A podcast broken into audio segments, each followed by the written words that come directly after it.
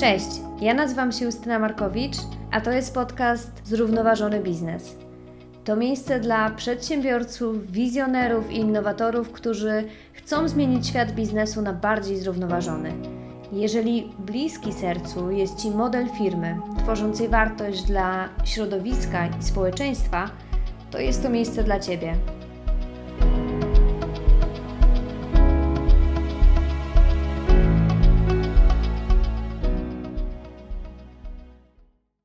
Cześć, e, dzisiaj ze mną pani Anna Korzeniewska, e, założycielka Fundacji Rozwoju Talentów e, oraz organizacji Social Impact Alliance for Central and Eastern Europe.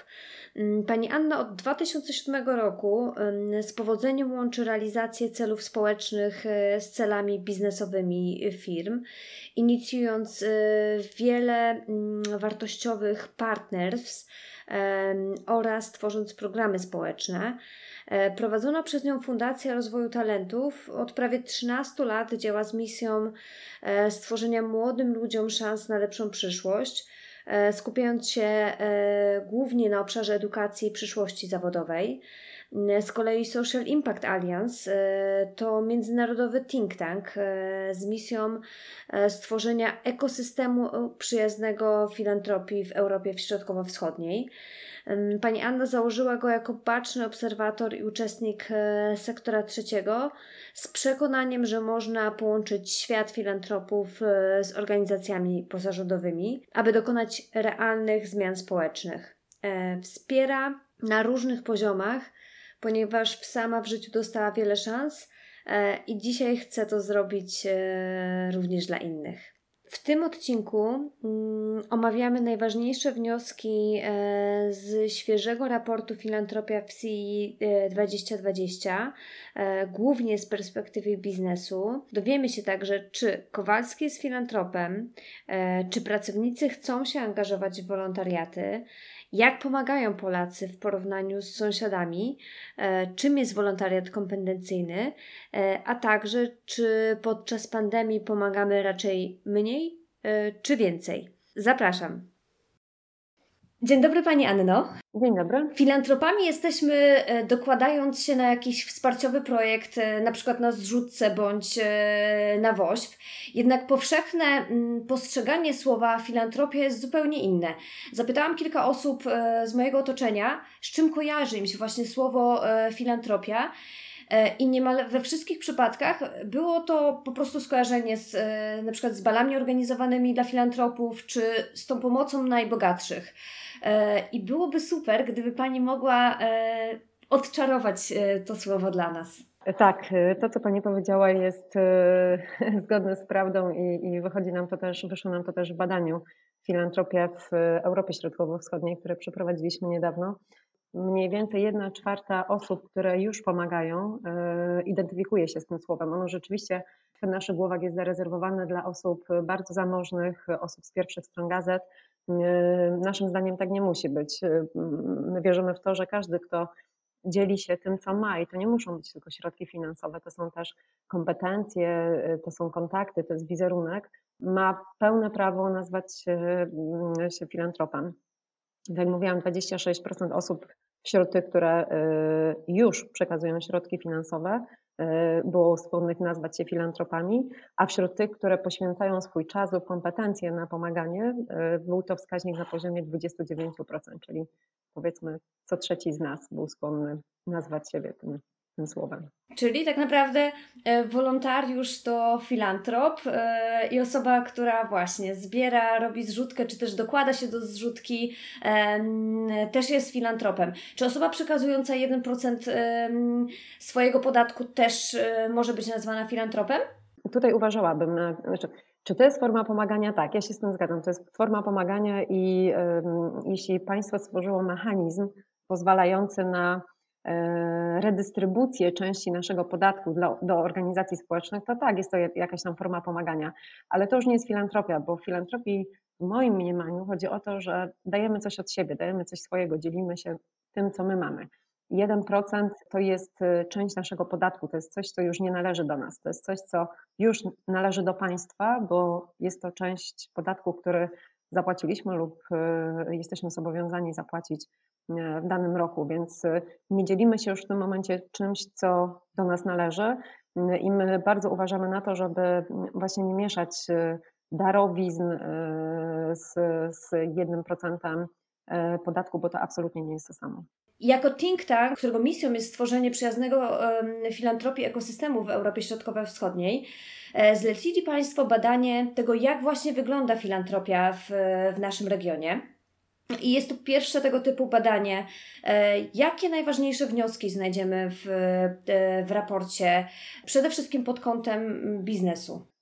Ja myślę, że pod kątem biznesu najciekawsze, to, to, co wyszło najciekawszego w badaniach, to jest to, że biznesowo warto pomagać. E, są tam konkretne argumenty, e, zarówno sprzedażowe, jak i marketingowe dla firm, dlaczego warto w taką działalność się angażować.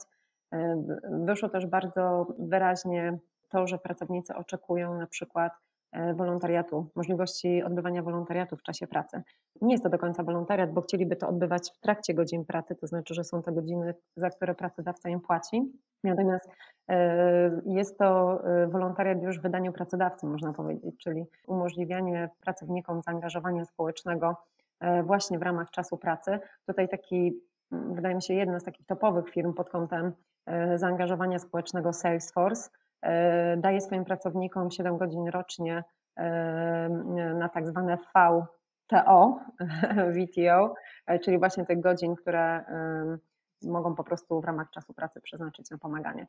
Tutaj jest w ogóle niesamowite to, że rola pracodawcy w całym tym procesie, wtedy kiedy to jest realizowane w czasie godzin pracy, jest niesamowita, bo E, ja się śmieję, że ci organizacje dostają e, to, o co proszą, czyli e, proszą o głównie o środki finansowe, te środki finansowe dostają, też proszą o czas, często ten czas dostają, rzadko proszą o kompetencje albo raczej o miks czasu i kompetencji. I tutaj w nawiązaniu do tego wolontariatu w czasie pracy, takim moim prywatnym konikiem jest to, żeby mm, osoby, które angażują się w tematy społeczne, dzieliły się swoimi kompetencjami profesjonalnymi, czyli żebyśmy nie, nie prosili jako e, NGOsy programistów o to, żeby malowali nam ściany, tylko żeby na przykład programowali nam sekcję zaangażuj się albo nie wiem, jakieś platformy do płat e, e, poprzez nasze strony.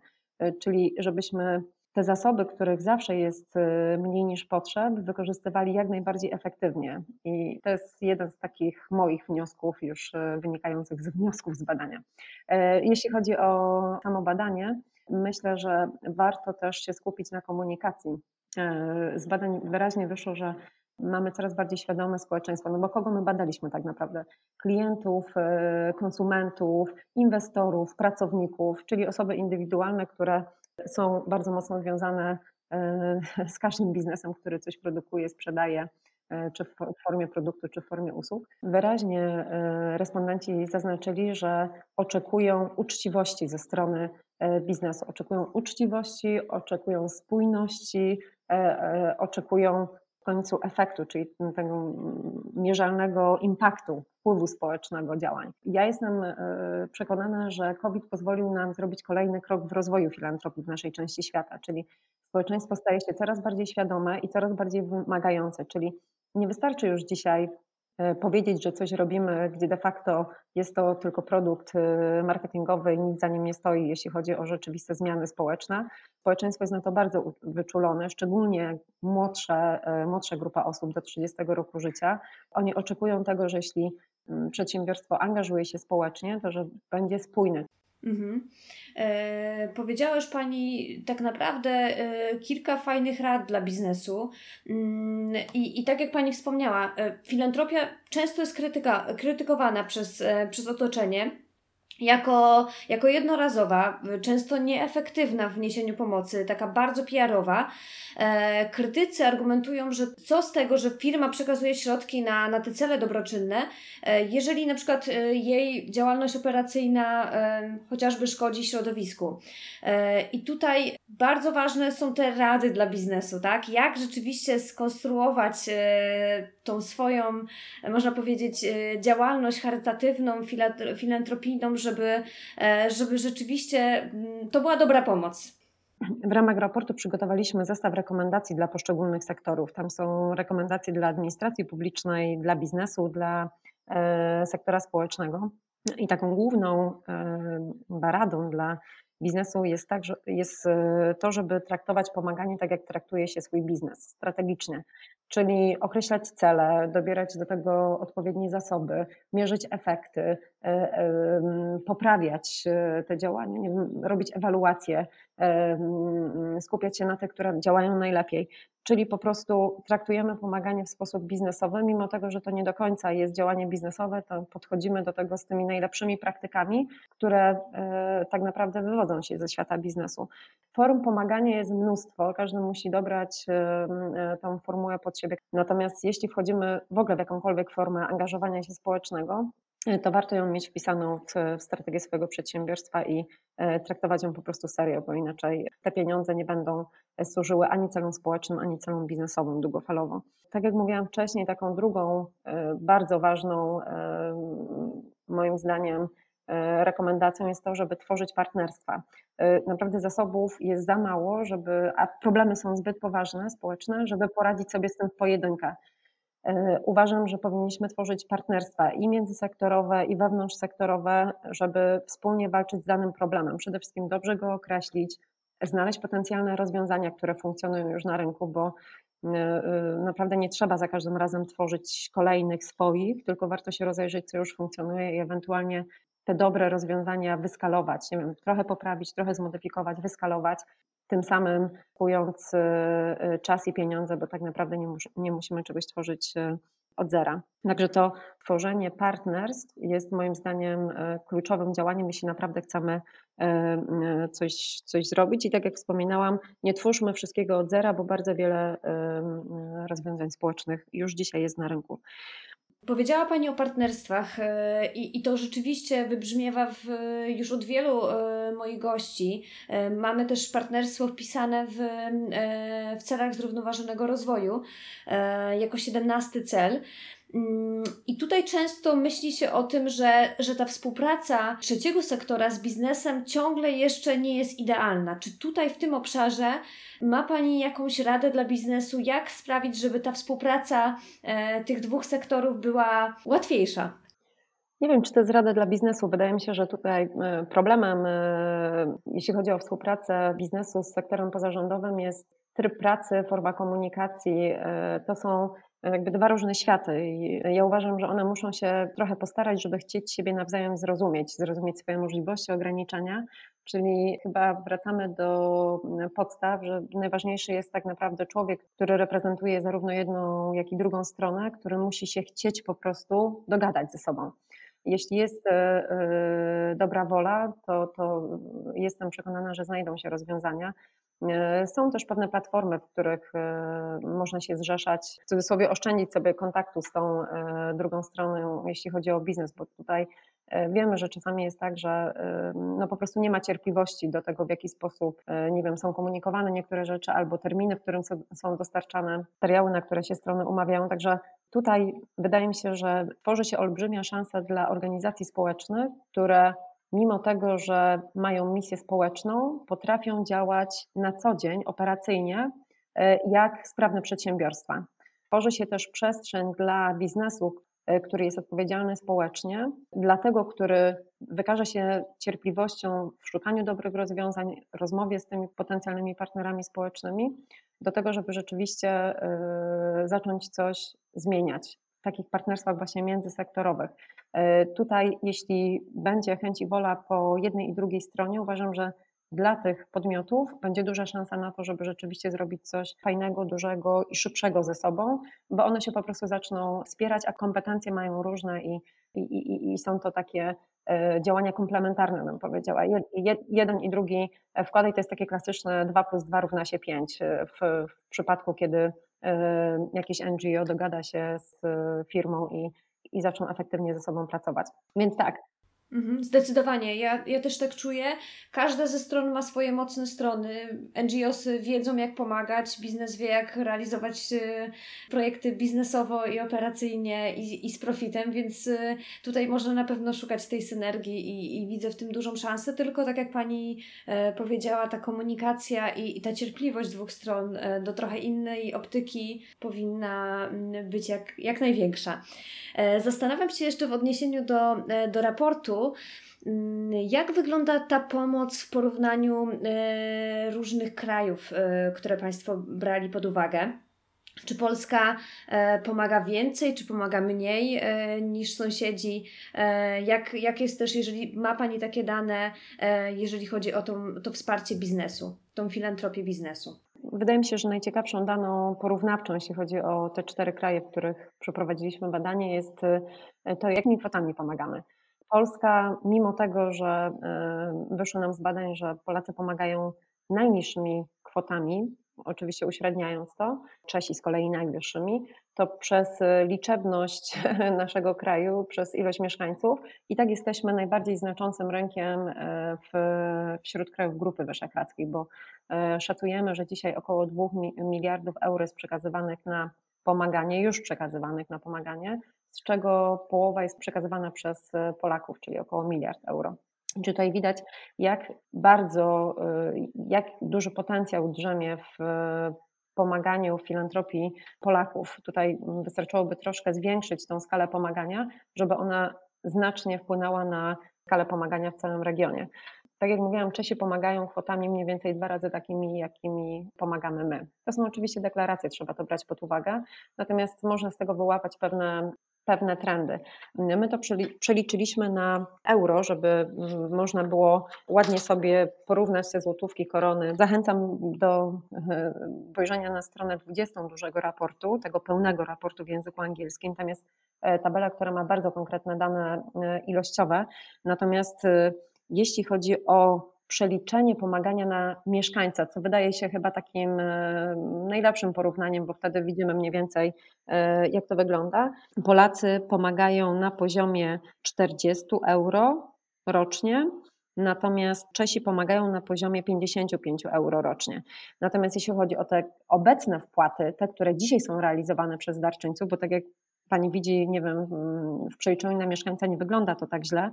Natomiast y, to, co dzisiaj wpłacamy, Polacy wpłacają na poziomie 80 euro, natomiast Czesi na poziomie 150 euro. Węgrzy są dosyć blisko Polski, bo to jest 85 euro y, w stosunku do 80 w Polsce, więc y, dosyć spójne rynki. Natomiast tak jak mówiłam, Polacy są najbardziej liczebnym krajem, jeśli chodzi o ilość mieszkańców, więc to nasze pomaganie daje łącznie dużą sumę, która stanowi około 50% wszystkich wpłat e, w krajach Grupy, Grupy Wyszehradzkiej, którą badaliśmy. Ja się zastanawiam jeszcze nad tym, e, jak rzeczywiście taki kryzys, w jakim jesteśmy teraz, kryzys pandemiczny, jak on wpływa na to pomaganie, bo często mówi się, że, e, że biznes e, pomaga, dopóki dobrze prosperuje, a w momencie, gdy, gdy nadchodzi jakieś, jakieś spowolnienie, to natychmiast odcina ten, e, tę swoją działalność filantropijną. Czy, czy mieli Państwo szansę zweryfikować to, to jak rzeczywiście ten, e, ten obecny czas trudny e, wpłynął na filantropię? Tak, e, zadaliśmy, robiliśmy badanie w maju tego roku i pytaliśmy o wpływ COVID-19 na pomaganie. W Polsce 39% respondentów, czyli 4 na 10 osób potwierdziło, że pandemia zmieniła ich zachowania w obszarze dobroczynności i co więcej, dla około 15% był to moment przełomowy, żeby w ogóle zacząć pomagać. Wcześniej tego nie robili. No to jest olbrzymia zmiana, olbrzymie uświadomienie społeczeństwa. 49% średnio w CI, a 51% w Polsce E, oświadczyło, że przeznacza więcej czasu na pomaganie innym. Naprawdę bardzo, wysokie, bardzo wysoki wskaźnik. E, wydaje mi się, że powinniśmy na to bardzo mocno e, zwrócić uwagę, no ale też to, że nie wiem, 16% więcej osób przeznacza środki finansowe na pomaganie. Czyli z jednej strony połowa z nas pomaga więcej czasem po covid a 16% przeznacza więcej środków finansowych. W Polsce, ja mówiłam wcześniej, że 15% średnio CI zaczęło pomagać wśród tych osób, które wcześniej twierdziły, że nie pomagają. Natomiast w Polsce jest to wskaźnik na poziomie 13%. 13%. Także COVID, tak jak mówiłam wcześniej, pozwolił nam zrobić ten dodatkowy krok w stronę takiego bardziej świadomego pomagania, w stronę większego zaangażowania społecznego.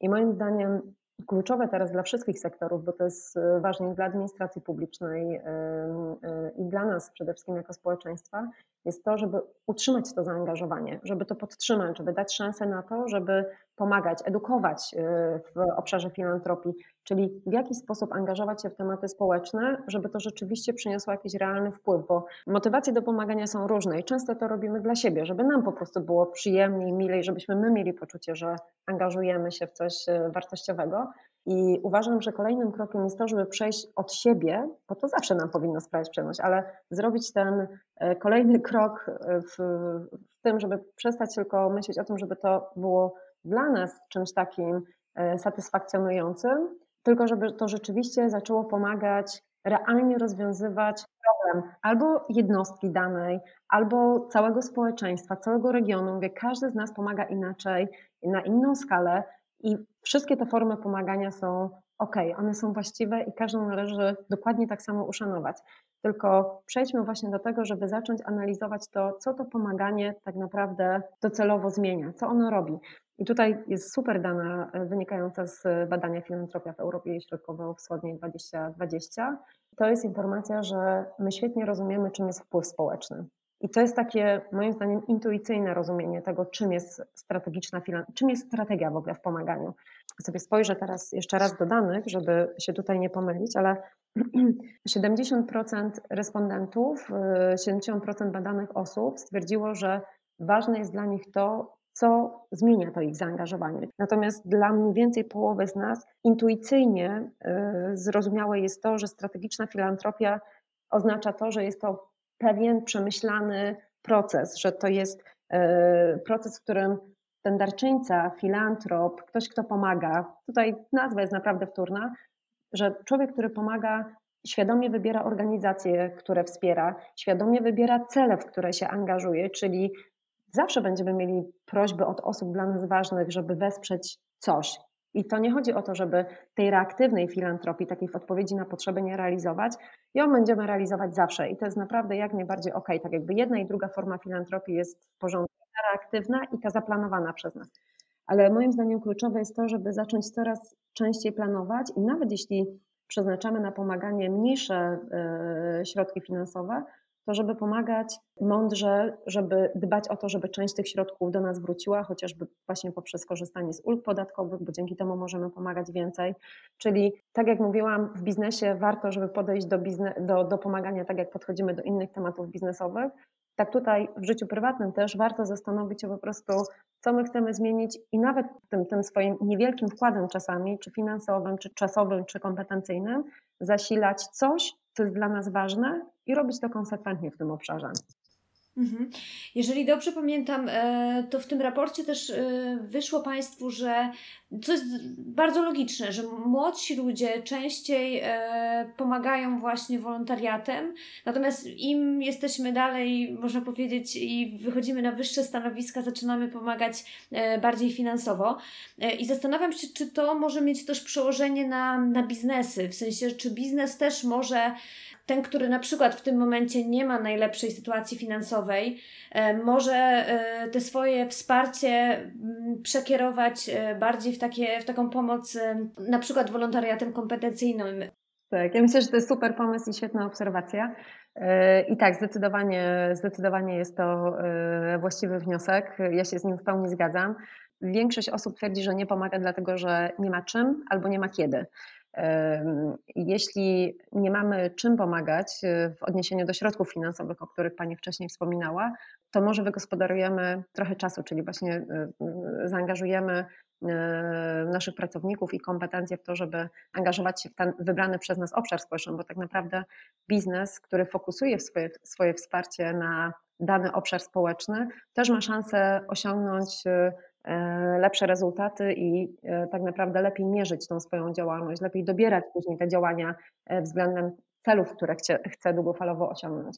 Może być tak, że czasami mamy lepszą sytuację finansową, czasami gorszą. I tak jak Pani powiedziała, to, że mamy gorszą sytuację finansową, nie oznacza, że nie powinniśmy wspierać dalej. Powinniśmy dalej wspierać, tylko dobierajmy inaczej zasoby. Moim zdaniem to się zaczyna od motywacji do tego, żeby coś zmienić.